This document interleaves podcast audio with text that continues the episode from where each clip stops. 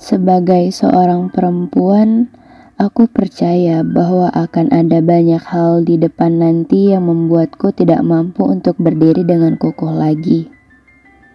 Barangkali akan ada-ada saja hal yang tidak semestinya terjadi malah terjadi.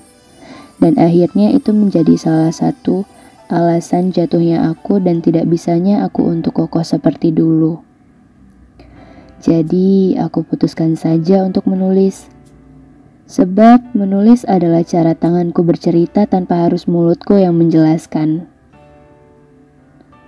Ketikan jariku adalah degup jantung kecewa. Sajaku adalah rasa sakit yang tak harusnya aku pelihara. Menurutku, menulis adalah cara paling baik untuk mensyukuri telah atau tengah hadirnya seseorang. Sebab begitu, aku mampu menggambarkan indah dan perihnya kehadiran seseorang dengan jutaan kata-kata.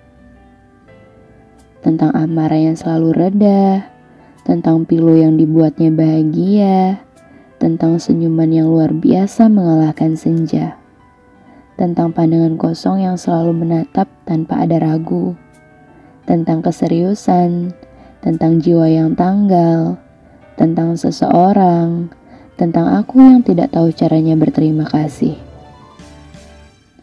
Menulis adalah caraku menjelaskan keistimewaan seseorang dari sudut yang berbeda. Dalam hal lain, aku suka sekali menulis karena aku sadar kata maaf yang setiap harinya aku ucapkan tidak akan pernah lagi kau dengar. Tidak akan pernah lagi kau hiraukan. Bahkan mungkin tidak akan pernah dimaafkan. Sebab itu aku menulis dengan keras. Tidak peduli suatu ketika kau akan membacanya atau tidak. Tidak peduli kau akan paham seberapa panjang penjelasanku di sini. Tapi aku sudah menuliskan ini untukmu. Bahkan ketika kau tidak membacanya.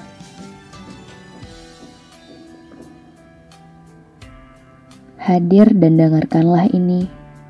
Maka kau telah membaca dan mendengarkan yang sebenarnya terjadi.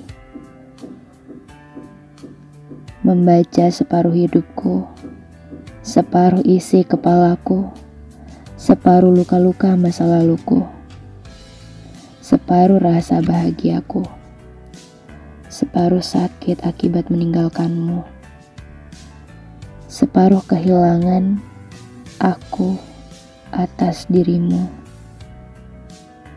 Jangan terus menabur kebencian terhadapku. Dengarkanlah ini dan seluruh duniaku.